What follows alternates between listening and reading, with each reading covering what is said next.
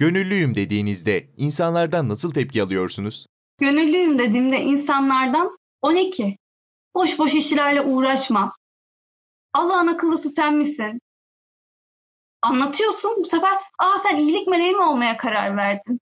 Ne yapıyorsun sen amelilikten başka? Gibi e, can sıkıcı söylemlerle karşılaşabiliyorsun. Yeri geliyor kendi aile yani gönüllülerimize ben de kendi ailemize bile bazı şeyleri ikna etmekte o kadar çok zorlanıyoruz ki ama bir şekilde de motive oluyoruz. Evet ben bu insanları buna inandırmalıyım hatta onları da bu sürece katmalıyım diyoruz ve e, gönüllülük için yaptığımız çalışmaların ekstrasında bir de bu bilinci aşılamak için heyecan duyup emek sarf etmeye başlıyoruz. Ülkemizde ve dünyada gönüllülüğe baktığımızda ise birçok açıdan önemli hale gelmeye başladı. Çünkü pandemi süreci bunun en büyük örneğini gösterdi bize.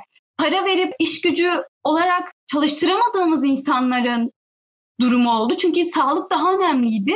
Evde güvende kalması gerekiyordu. Haklıydı herkes gibi ama e, yaşlılara bir şekilde bir şeylerin gitmesi lazım ya da pandemi sürecindeki çıkan ihtiyaçları birilerinin karşılaması lazımdı. Ve siz bunu parayla yaptıramazsınız. Sadece gönülden o işi yapmak isteyen insan varsa bu süreç oluşturabilirdi. Bu görüldü ve gönüllülüğün yeri en önemli şekilde üste çıktı. Ee, Avrupa'da baktığımız zaman gönüllülük sistematik bir hale getirilmeye çalışılıyor. Bu sistematik hallerden biri ise atıyorum e, haftada iki gün e, bir huzur evine gidip iki saat o yaşlıyla vakit geçirmek gibi. Ama bunu taatlik bir sistematiğe döküyorlar. Türkiye'ye baktığımız zaman ise e, gönüllülük oranımız araştırmalara göre düşük çıkıyor. Bunun sebebi şu, bizler gönüllülük yapmıyor değiliz. Bizler gönüllülük yapıyoruz. Bizim ecdadımızdan, Osmanlı'dan, kültürümüzden, örflerimizden, geleneklerimizden gelen bir şey. Liglerimizde yaşayan bir şey gönüllülük aslında. Ama biz bunu kavramsal olarak kabul edip e, profesyonel bir şekilde hayata geçiremiyoruz.